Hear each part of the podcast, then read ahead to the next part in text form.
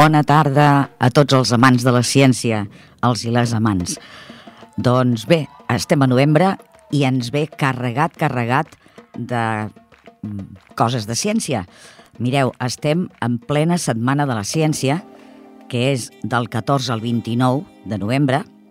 Alguns actes, clar, ja s'han fet, però ens queden per davant una pila. Teniu jornades de portes obertes, que aquestes que són presencials, però hi ha exposicions, xerrades, jocs, tallers científics i moltes d'aquestes activitats eh, són en línia, o sigui que ens podem connectar des de casa. Trobareu tota la programació a setmana de la ciència.fundaciorecerca.cat. Una altra cosa, el 27 de novembre d'aquest mes se celebra la Nit Europea de la Recerca, que està dedicada a la divulgació de la ciència i també amb xerrades, microxerrades, tallers, taules rodones, de tot. A això trobareu la informació a lanitdelarecerca.cat. I una tercera encara. A Tarragona, eh, amb tot això de la Covid, eh, molts actes també s'estan fent online. Teniu en concret una sessió el 25 de novembre, eh, una sessió científica sobre protecció i restauració del patrimoni. O sigui que els que us interessen aquest tipus de coses, ja ho sabeu. Ho podeu trobar al diaridigital.tarragona21.com Doncs ara passem a les coses que tenim aquí més a la vora, a Ripollet.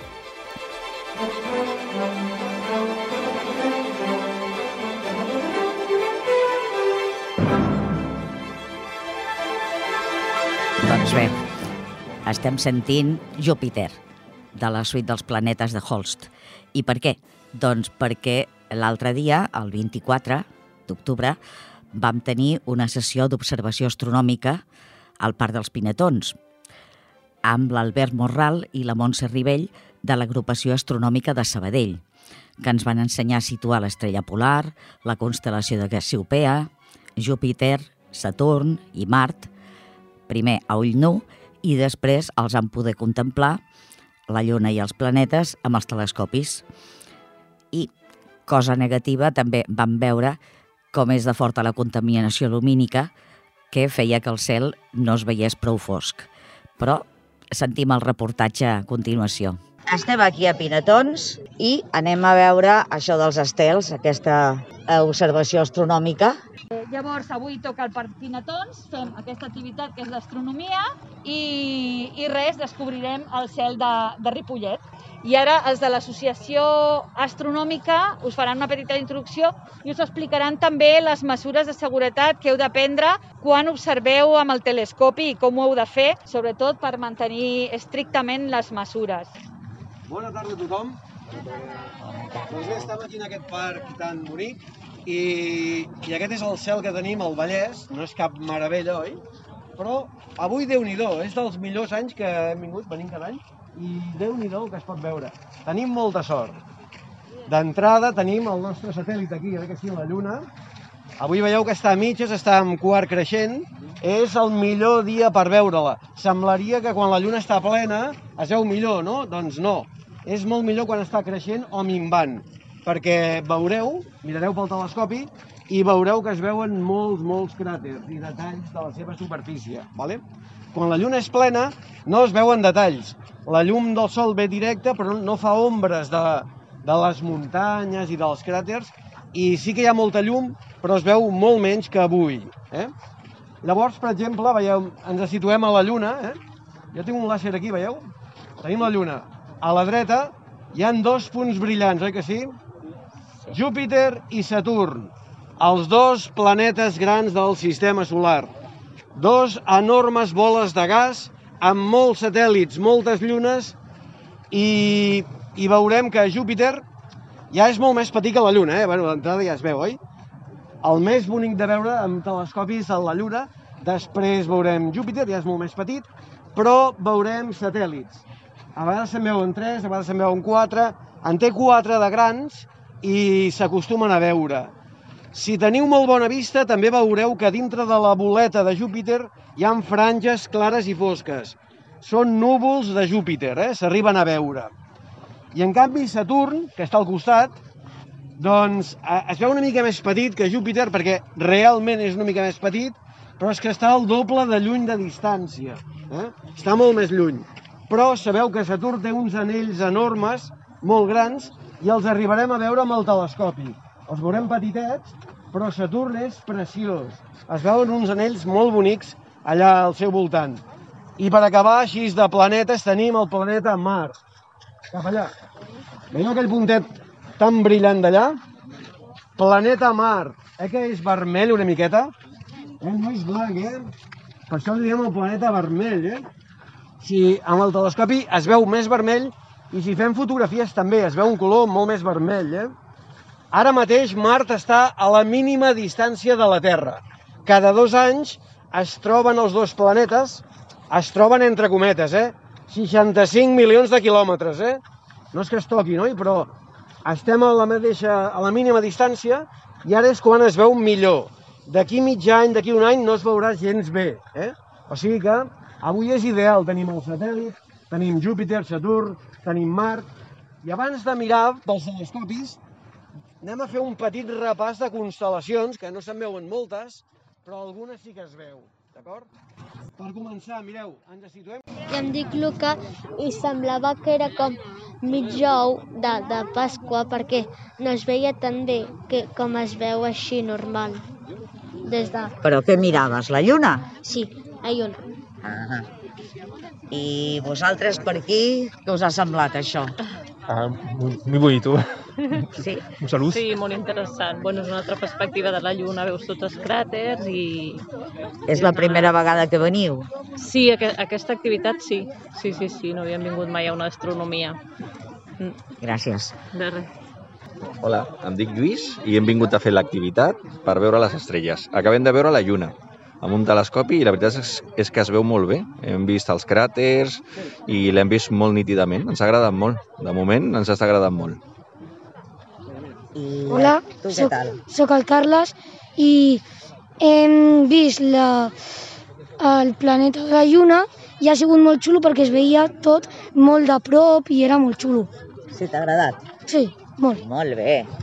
I tu què tal? T'ha agradat això de, de veure la lluna? Sí, jo em dic Paula i m'agrada molt perquè també ha sigut com si ens haguéssim portat la lluna davant, com si ens l'haguéssim portat en els ulls, com una foto que tu poguessis estar veient.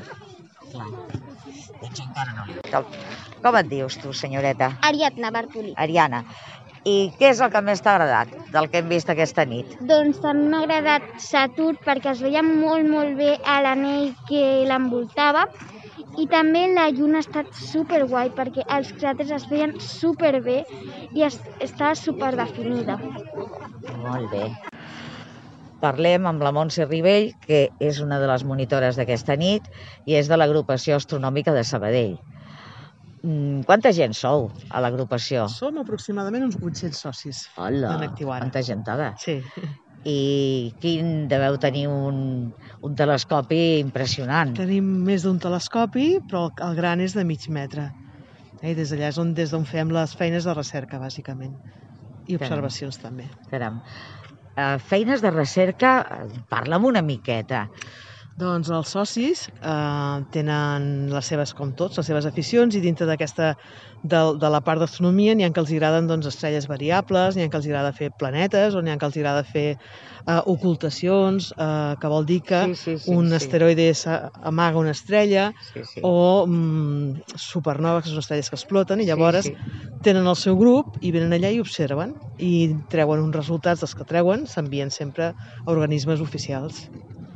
Carai, Que és maco això. Sí, Realment, vaja, després d'aquesta nit, que ha estat com el bateig per molta gent, per mi també, et venen ganes de, de continuar, de continuar, sí, sí. Això és el que té de bo la- l'astronomia, no? Que pots Sí, començar sí. de base sense saber-ne gaire i et pots quedar aquí o continuar fent coses. oi? I, et i no vas acabes mai. engrescant Sí. I... Sí, sí. Eh, escolta, i després de, feu activitats educatives o de Fem divulgació cada, també. els matins tenim, bueno, i tardes tenim escoles, ara amb el tema del confinament és tot una mica més estrany, però i també tenim tallers infantils que fem, fem sessions per famílies, fem tallers, eh, intentem divulgar l'astronomia al màxim possible. Eh? I llavors a la nostra pàgina web, que és astrosabadell.org, hi ha tota la informació de totes les activitats que podem fer. Doncs moltíssimes gràcies per aquesta nit. Una cosa que, que em deixava és que cada dimecres fem conferències Ah. eh? i ara es poden veure amb streaming pel canal de YouTube Astro Sabadell es poden veure i són gratuïtes per tothom, no cal ni apuntar-se ni ser soci ni res. Doncs queda apuntat, o sigui, Astro Sabadell, sí. Tant al YouTube com a- la pàgina que deu ser .com, no, Punt- .org, punt ORG. ORG, d'organització. Doncs gràcies mil. Vale. Seguim a Ripollet. Dissabte passat, dia 14, hi va haver una altra edició del taller Robòtica en Família, programació amb Scratch. Es va fer en línia. Si us ho vau perdre, no us perdeu la següent perquè us ben asseguro que és molt interessant. És ben divertit i, a més, mm, molt aprofitat. I aquesta encara eh, ha de venir. El dia 28, a quarts de 12, 28 de novembre, està previst de baixar al riu Ripoll per descobrir els treballs de recuperació de la llera que s'hi estan fent. És una activitat per adults, amb places limitades i cal inscriure's prèviament enviant un correu casanatura arroba ripollet.cat.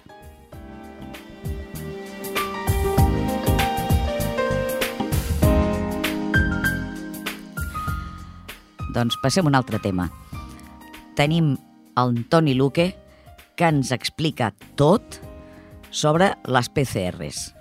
Val la pena sentir-lo.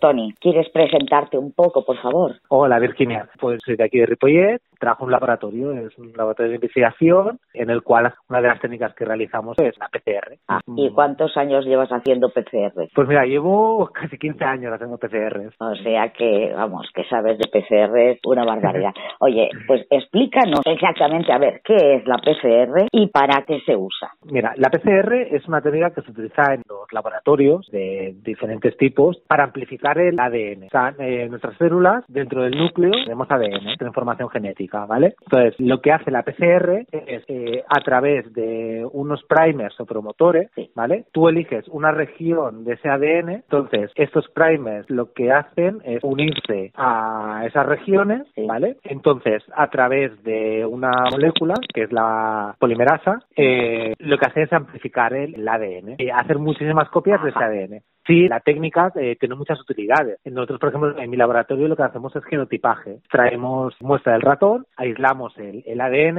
entonces lo que hacemos es, sabemos regiones específicas donde hay mutaciones o donde hay eh, material genético que nos interesa, a través del mapa del genoma, o sea, ya se conocen todas estas regiones. Entonces lo que hacemos es determinar cada ratón qué genotipo tiene, o sea, qué, qué tipo de ratón es. Luego se puede hacer, por ejemplo, para muestras de temas de policía. Una mínima extracción de ADN te permite amplificar una zona para saber si los restos que hay son humanos o no son humanos, o, ¿sabes? Y luego también tiene una base diagnóstica que es, sobre todo ahora con todo el tema del COVID, para lo que se está utilizando, que es para diagnosticar si tenemos el virus del COVID en nuestro cuerpo en ese momento o lo hemos tenido hace poco. Y tenemos todavía virus dentro. Restos, eso. Restos de virus. Y esto lleva más de 15 años funcionando. Al principio era muy rudimentario. La técnica de PCR en sí es, es casi casi una receta de cocina. o sea, tú sí. lo que haces es coges polimerasa, coges eh, los DNTPs, que son la- las bases nitrogenadas de lo que se forma el, el ADN, se coge los primers, bueno, se junta todo en unas proporciones determinadas, se mete la máquina de PCR y la PCR lo que va haciendo es unos ciclos. Hay un ciclo que es la desnaturalización, eh, el ADN está formado por dos hebras, la separa, otra es la unión unión de los primers y otra es polimerasa que va uniendo los DNTPs y va haciendo copias infinitas de, de ese ADN. Entonces luego al final pues tienes tu muestra de, de PCR con la cantidad de DNA amplificado, exactamente el que tú has elegido. O sea, a ver si lo entiendo bien. Vamos a ver, por un lado tienes, bueno, aparte de la muestra, tienes la polimerasa, que es la enzima que hace el Eso trabajo. es. Ujú. Eh, tienes los primers, que son como si dijéramos los moldes Los moldes, eso de, es. de la parte el- que significativa del virus que yo quiero analizar. ¿Del virus o, de, o del Eh, ADN? o del virus, o del ADN, o lo que sea. Tú eliges una región del ADN, te paras, o sea, tienes unos primers que se unen al principio y al final de tu región. Son los topes, por así decirlo. sí, la polimerasa se une al principio y entonces va leyendo y va uniendo hasta que llega al primer final. Y luego esto otro, Los DNTP. los DNTP son los nucleótidos que constituyen la cadena. O sea, La- son como los eslabones de la cadena. Adenosina, guanina, mm, Sí, timina y citosina. que claro, son los ingredientes para ir formando más cadena. Ahí y con eso lo metes en el aparato este que es el termociclador, que Ujú. va haciendo ciclos de temperatura más alto, más bajo, y en cada temperatura se hace un tipo de reacción. Y entonces, en conjunto, lo que consigues es tener muchas copias de ese fragmento que nos de- interesa analizar. ADN. Eso es. De hecho, cada fragmento tiene una temperatura y un número de ciclos específicos. O sea, dependiendo de lo grande que sea el trozo de ADN que quieres coger o no, eh, será más ciclos, menos ciclos, la temperatura será más alta o menos alta. He leído por ahí una cosa hablando de los ciclos, que a partir de 20 o a partir de 30, bueno, cada uno te da un número distinto. La prueba no es significativa. Háblanos un poquito de esto, por favor, a ver si me lo aclaras. Mira, esto está un poco relacionado con lo que te decía antes, ¿no? De que cada fragmento de ADN necesita un número de ciclos y una temperatura. No es que no sea significativo. Yo, por ejemplo, en el laboratorio hacemos PCRs de 25 ciclos, de 30, de 35, de 40. Esto depende de la región de ADN que tú quieras amplificar. Vale. Es cierto que llega un momento que no es que no sea efectivo, que es que los ingredientes se gastan. O sea, tú pones una cantidad de, de NTPs, una cantidad de polimerasa, una cantidad... Entonces, claro, si tú haces más ciclos de los que tocan, se acaba gastando. O sea, Claro. llegará un momento que ya no, no consigues amplificar más, nunca vas a amplificar infinito. O sea, siempre habrá un límite. Y el límite precisamente son los, los ingredientes, entre comillas, que tú has puesto. Pero no porque no sea específico o porque vaya a salir una cosa que no es. De hecho, dentro de la técnica tú pones unos controles. Pones un control positivo, que sabes que, que es una muestra de, de ese ADN que sabes que va a dar positivo, una muestra, un control negativo, eh, descartar contaminaciones. O sea,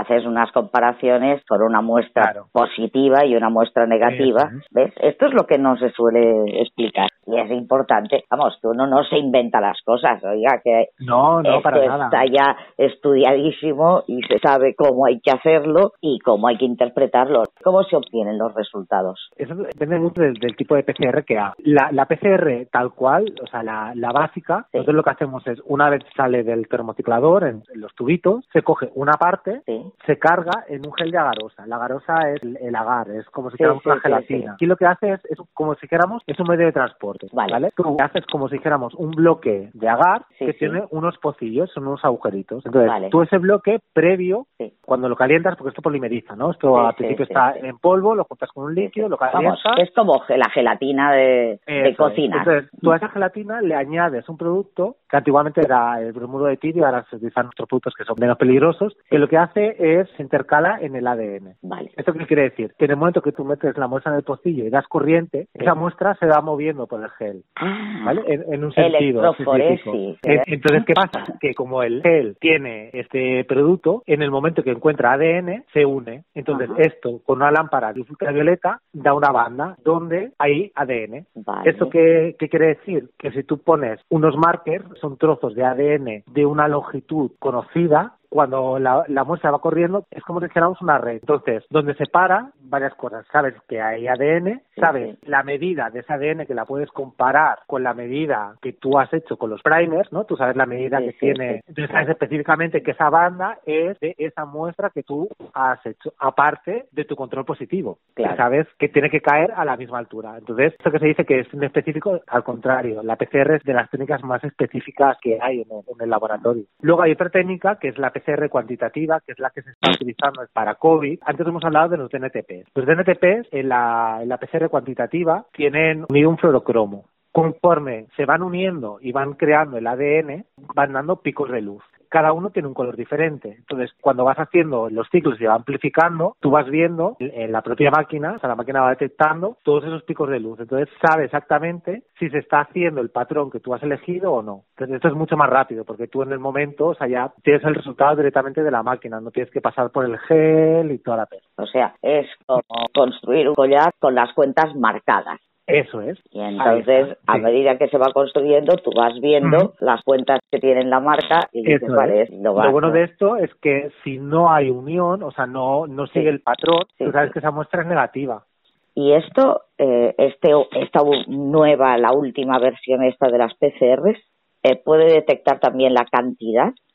Sí, claro. Si tú tienes el, mucha cantidad de, de ADN, la creación de ADN nuevo es mucho más rápida. Entonces tú puedes saber, hay una gráfica de crecimiento en los picos de luz, la cantidad más o menos específica que tienes de este ADN previo. Cuanto más cantidad de ADN, más material potencial para, para crear material nuevo. Si tienes muy poco, tardará más, ¿sabes? Necesitará más ciclos para poder llegar a un punto a un punto específico de crecimiento. Me parece que, que nos ha quedado, por lo menos a mí me ha quedado muchísimo más claro que lo que lo tenía al principio. Oye, solo para acabar, aquello que decía el presidente de Tanzania de que había enviado a analizar unas muestras de papaya y de aceite de motor y que le habían dado positivo, eso, ¿cómo nos lo tenemos que tomar? ¿Como un chiste o...? O sea, ¿hay una remota posibilidad de que pase eso? No, como todas las técnicas, eh, la PCR es un 99,9% de específica. Hay un 0,001% de que pueda dar algo en específico. Pero te puedo asegurar que ni la papaya, ni el aceite de motor, ni nada de esto tiene el ARN, porque la PCR de COVID, la muestra que se extrae es ARN de virus. Entonces, el ARN se pasa a ADN y esto es con lo que se hace la PCR. Es tan específico que yo creo que es otro de los bulos negacionistas para intentar desestabilizar un poco el sistema y tirar por tierra el... eh, vamos, que por mucho que sea presidente de Tanzania, mire, oiga, no. No. no. Es como esto que dice que no es específica la PCR. En un inicio sí que podía ser no tan específica porque todavía no se había aislado todo el ARN, ¿no? porque el, el descubrimiento, o bueno, o la puesta a punto, el Nobel del Carimulis, ¿tú recuerdas qué año fue? Yo creo que fue por los 90, a finales de los 80, 90. O sea que lleva la cosa en funcionamiento desde que él lo descubrió en mínimo 20 o 30 años. Claro, o sea, hemos estado hablando de que las máquinas son capaces de detectar los picos de luz, de fluorocromos, de gráficos de crecimiento. El inicio de la PCR se hacía con cubetas y aguas a distintas temperaturas. O sea, imagínate lo que ha avanzado la técnica. los ciclos de temperatura se hacían pasando las muestras en cubetas con agua al baño María a diferentes temperaturas. O sea, claro, imagínate el, el avance tan inmenso que ha habido te puedes morir ahí pasando el frasquito de un lado a otro y, y además hasta que se homogeneiza toda la temperatura dentro del, líquido y ufa. y que y que al final la acumulación de errores puede ser muy grande o sea la manera de extracción de las muestras lo mismo o sea las muestras ahora mismo eh, pero eso también es muy importante que, lo hagan profesionales.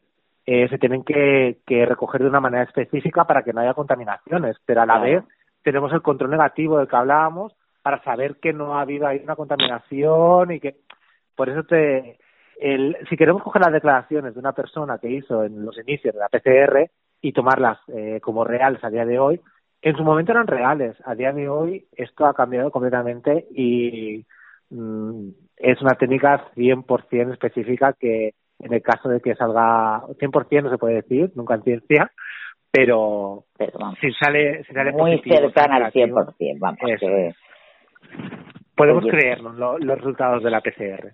Oye, pues muchísimas gracias. Pues yo estoy contentísima de que me la hicieran hace unos días y salía negativa. Sí, claro. Pues sí, sí, sí. La verdad es que. luego lo importante es, luego, si sale negativa, es hacer la prueba de, los antígenos, que también es muy interesante. Pero bueno, esto ya sí que esa ya, esa ya no me la han hecho, pero vamos, es que a la seguridad social tampoco la vamos a sobrecargar en este momento, pidiendo más pruebas de lo... No, porque además la, la PCR es una técnica que es eh, en sí es cara, ¿eh? es una técnica, los reactivos son caros, el procedimiento, bueno, decir que... dicen que por eso ahora están dejando de hacer tantas PCRs y se han pasado a la prueba de antígenos. antígenos. Ajá. Sí, esta es la prueba de anticuerpos, la de antígenos. Ahora se está, se está poniendo en Ah. marcha la de antígenos, es mucho más barata y lo bueno que tiene es que no hace falta esta especificidad y esta, estos conocimientos, sino que cualquier persona se la puede más o menos hacer en casa. O sea, tiene que seguir un, unos patrones para saber que la muestra que ha recogido es, es correcta, pero aparte de eso, poco más. O sea, es, muy- es una, una técnica muy sencillita. O sea, la de, a ver, la PCR analiza eh, trozos de ADN o de ARN en el caso del virus. Ujú. La de antígenos analiza las proteínas del virus. Eso es. Eso es, es otra técnica que es una ELISA.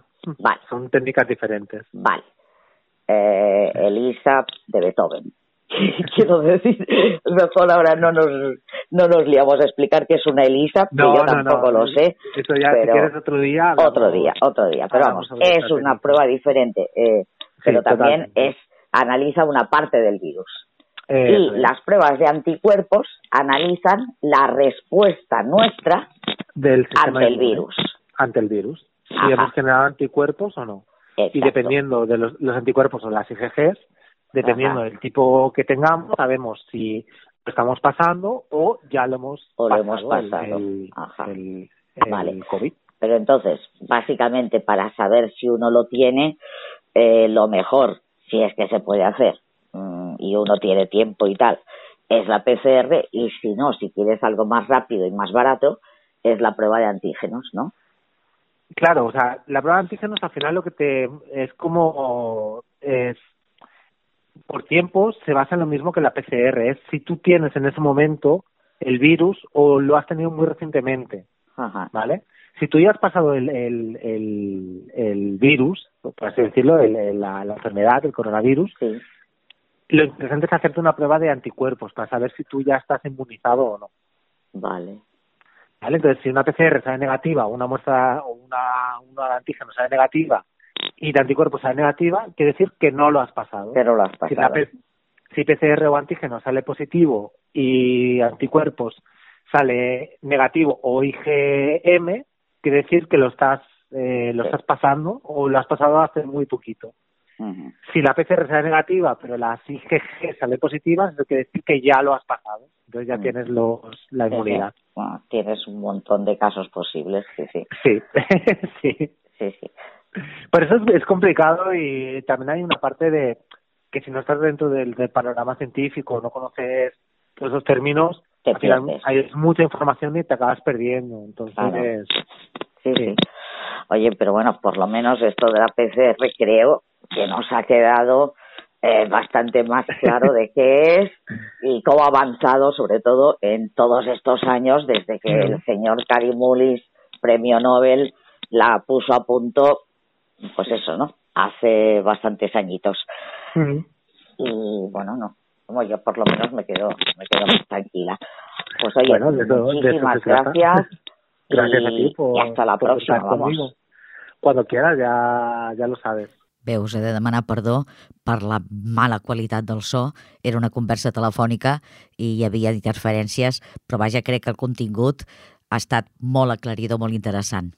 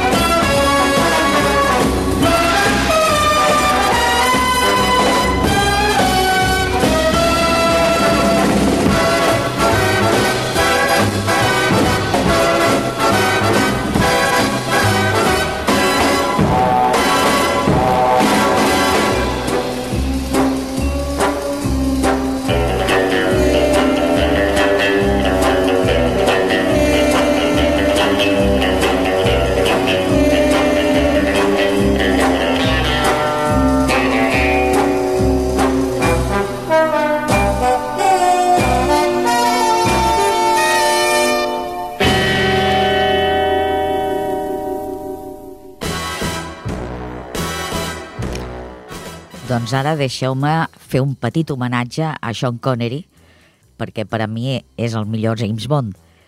Eh, recordem alguns artilogis que llavors ens semblaven de ciència-ficció, però que ara els tenim al nostre abast. Per exemple, el James Bond feia servir un propulsor de motxilla a Operació Tro que el permetia escapar-se volant. Doncs això, una cosa bastant semblant, ara es pot veure a moltes platges. O, per exemple, el cotxe connectat, a, a més autònom i tot, de el mor mai. Doncs ara, mm, cotxes d'aquests ja els tenim, els tenim a mà. O, per exemple, el rellotge amb telèfon, amb GPS, amb pulsòmetre i moltes altres coses a Casino Royal. O també, una altra curiositat, les ulleres intel·ligents, que li donaven tota informació. Doncs mira, ara tenim les Google Glasses, el que encara no han tingut gaire èxit, però vaja, existeixen. Anem per un tema més seriós, que és el tema de les vacunes. I és polèmic, tothom n'està parlant, eh, què en sabem de cert de tot aquest tinglado de les vacunes contra la Covid-19? Doncs bé, en aquest moment hi han més de 200 possibles vacunes. N'hi ha 47 que ja s'estan provant en persones i 10 d'elles estan a la fase 3. Què vol dir això? Doncs mireu, que es considera que són segures, que és la fase 1, que no tenen efectes secundaris a curt termini i que generen resposta immune, que és la fase 2, i llavors ara està en la fase 3, que el producte s'està administrant a milers de persones i es va vigilant la seva evolució comparant amb un grup de control que només ha rebut el placebo. Bé, els mecanismes d'acció de tota aquesta pila de vacunes són variadíssims. El tradicionalment es feien servir virus, el mateix virus contra el que vols lluitar, o bé atenuat, que vol dir que no és tan virulent, o inactivat, que vol dir el virus doncs, eh, destruït, fragments del virus, trossets. Eh, també s'han fet servir ja abans una cosa que es diuen vectors virals, que consisteix en virus inofensius per, nos, per nosaltres que porten dins alguns gens del coronavirus, en aquest cas. I llavors mm, serveixen de vehicle per mm, insertar aquests gens dintre les cèl·lules i que es pugui generar la resposta immune. Bé, una altra possibilitat és vacunar no amb el genoma, el material genètic del virus, sinó amb una proteïna del virus. Això també desencadena la resposta immunitària del cos. I, per últim, eh, hi ha el mètode més modern de tots els que hem vist, que és fer que el cos produeixi aquesta proteïna del virus. Llavors, ens centrarem a les 10 candidates aquestes que estan en fase 3, doncs mireu, hi ha la de Pfizer BioNTech, que és Alemanya, que fa pocs dies se n'ha parlat molt. Aquesta porta un tros de RN missatger, que és un tros de genoma que no va parar al nucli de les nostres cèl·lules, perquè no és ADN, sinó que va parar als ribosomes, que són unes petites parts que tenim dintre les cèl·lules i aquests ribosomes interpreten, o sigui, llegeixen aquesta cadena d'ARN i llavors produeixen una determinada proteïna. Aquesta proteïna es diu spike, que vol dir mm, punxa, i és característica del virus eh, que estem lluitant, el SARS-CoV-2, i això provoca la resposta del sistema immunitari que en definitiva és el que volem tots. Bé, després tenim una altra vacuna o projecte de vacuna d'una empresa que es diu Moderna, d'Estats Units, que és semblant a l'anterior. Després tenim eh, les candidates basades en això que us deia dels vectors virals. Doncs n'hi ha la de Oxford AstraZeneca, que és del Regne Unit, que aquesta porta una versió afablida del virus del refredat comú del ximpanzé, que vol dir que nosaltres no ens afecta. I llavors serveix per transportar una part de, del genoma del virus de la Covid i això genera defenses. Després hi ha la de Janssen, d'Estats Units, que s'assembla, i una altra de xinesa, que es diu Can Sino. I no rieu, si us plau. I després tenim unes altres de xineses, són Sinovac, Sinopharm Wuhan i Sinopharm Beijing. Aquestes han optat pel mètode més tradicional i porten coronavirus desactivat. I m'he descuidat, perdoneu, m'he descuidat de la russa, la Gamaleya. Aquesta combina dos adenovirus, que són aquests típics de la grip i el refredat, amb el gen del coronavirus. Estan tractats de manera que no ens infectin, que no ens provoquin cap malaltia i serveixen, doncs, com la d'AstraZeneca que us deia abans, eh, per mm, introduir una part de genoma de, del virus de la Covid. bueno, ja veieu que hi ha molta varietat de, de maneres d'abordar el problema. Això mm, crec que és positiu perquè almenys alguna d'elles esperem que se'n surti i que ens funcioni.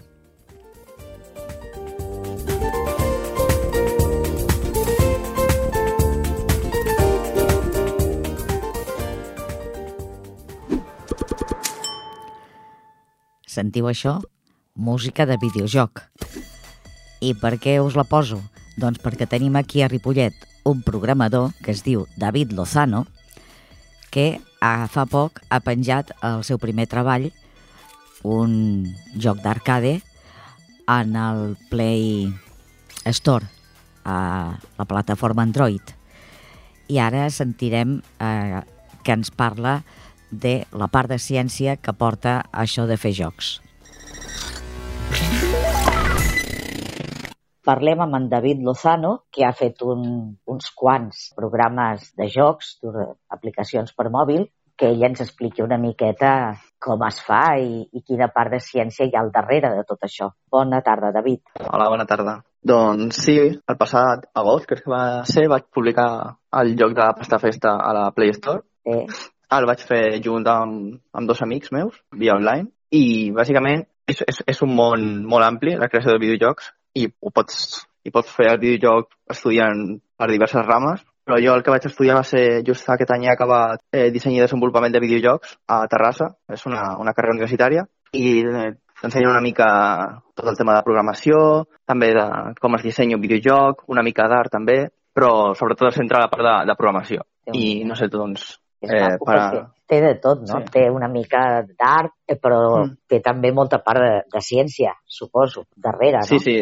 Per exemple, els, els dos primers anys es fa física i matemàtiques, que s'han d'aplicar molt als, als videojocs, perquè encara que sembla que no, els videojocs són 100% matrius i factors sí, sí. i també s'utilitza molt la física per calcular moviments i posicions i velocitats. Ah, perquè el joc aquest, Pasta Festa, que mm. jo me'l vaig instal·lar, però és massa ràpid per mi i no, sí. no me'n sortia. És un macarró que el van perseguint i llavors sí. ha d'anar esquivant tomàquet, mandonguilles i no sé què més hi havia mm. i ah, és qüestió de durar, no? Suposo. La sí. puntuació és per, per quan dures viu i bueno, té, té molta gràcia perquè realment és molt original, però clar, tot això de calcular la trajectòria i saber quan xoca i quan no, tot això és matemàtiques pures i física, sí, sí. aquí no ens salvem. I què més has fet? Perquè jo sé que has fet d'altres. Sí, doncs al llarg de la carrera he fet diversos jocs. Sí. He fet jocs de plataforma, jocs en 3D, en 2D, a tot. Carai. Sí, sí. I, per exemple, aquest, el joc del Pasta Festa, la física és molt evident a les trajectòries, als enemics que et persegueixen, han de saber la teva posició i la seva posició per sí, sí. saber la, la, la velocitat i tal. però en tots els jocs, els més simples, també et pots trobar físiques, matemàtiques... Sí, sí.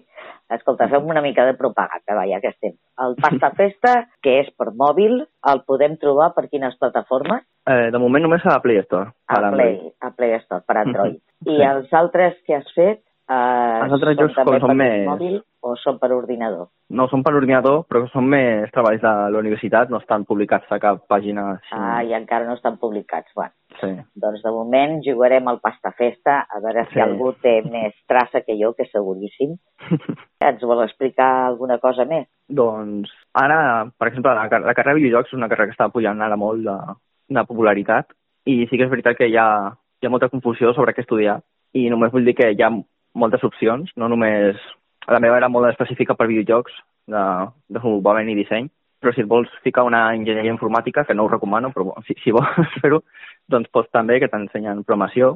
També hi ha, hi ha diverses universitats, tant a Terrassa com a Barcelona, que, que proposen aquest disseny de desenvolupament només de, enfocat a videojocs. També hi ha carreres que són només d'art enfocades en videojocs, també per si no t'agrada el tema de programació i vols ser més animador o el que sigui. El Ja, ja, ja, és un món molt ampli.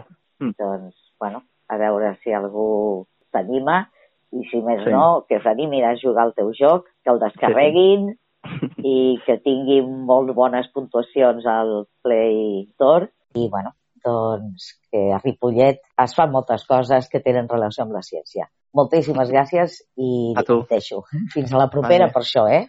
Ens hem de Sí. continuar veient. Gràcies. Vinga.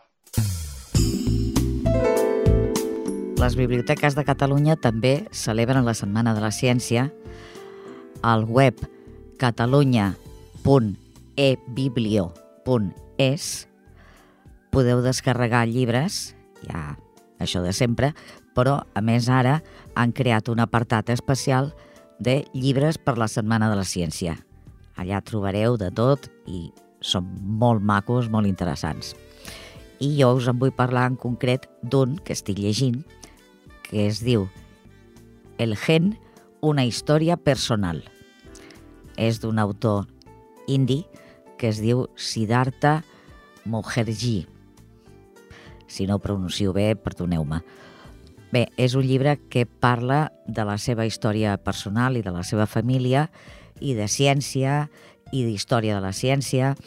Llavors fa tot un recorregut des d'Aristòtil, Pitàgores, passant per Mendel i eh, la revolució de Darwin, eh, parla de Watson i Crick, el descobriment de l'estructura de l'ADN, Rosalind Franklin també surt, fins als avenços més innovadors, eh, vaja, eh, fins fa poc, és un llibre bastant recent.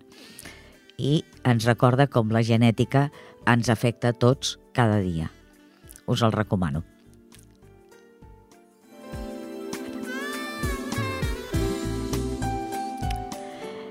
I bé, doncs ja no tenim temps per gaire cosa més. Acabem amb l'experiment. Avui va d'acidesa i alcalinitat. Eh, segurament ja n'hauré sentit parlar perquè és molt típic, però us el recomano perquè és molt divertit. Només una salvedat. Això s'ha de fer amb adults. No ho poden fer els nens tots sols. Han de ser també els grans. Bé, la qüestió és, agafeu una col morada, eh, gots de plàstic transparents i després vinagre, suc de llimona, bicarbonat i els grans, no els petitons, eh, podeu fer, fer servir salfumant amb molta precaució, sosa càustica, amoníac, coses d'aquestes que tingueu per casa. Bé, la qüestió és agafar la col, treure-li dues o tres fulles, picar-les ben primes, posar-les a bullir i recollir l'aigua. Mm? La coleu. Llavors, amb aquesta aigua hi tireu una mica en cada got. Els numereu de l'1 al 6 o, o 7, segons les proves que vulgueu fer. Llavors, bé, el primer got, una persona gran li posarà una mica de salfumant, si en teniu per casa. Al segon got, un raig de vinagre. El tercer, suc de llimona. El quart, una mica d'aigua. El cinquè, una cullerada de bicarbonat. El sisè, una persona gran i pot posar amoníac. I si teniu un setè, també l'adult, i pot posar la sosa càustica. I llavors veureu com cada got o cada potet queda d'un color diferent. El primer és el més àcid i l'últim és el més alcalí. I l'aigua no és ni àcida ni alcalina i per això veureu que no fa canviar el color del suc de col. Llavors teniu un indicador casolà per saber quan una cosa és àcida o alcalina. Això sí, quan hagueu acabat l'experiment, buideu tots els pots i renteu-vos bé les mans. Doncs bé, espero que us agradi molt. Ja em direu si l'heu fet, els colors tan macos que surten i tan diferents. I ens veurem d'aquí un mes. Gràcies al Jordi Puy, al control de so. I em despedeixo, que us està parlant, Virginia Calzada. Fins al mes vinent.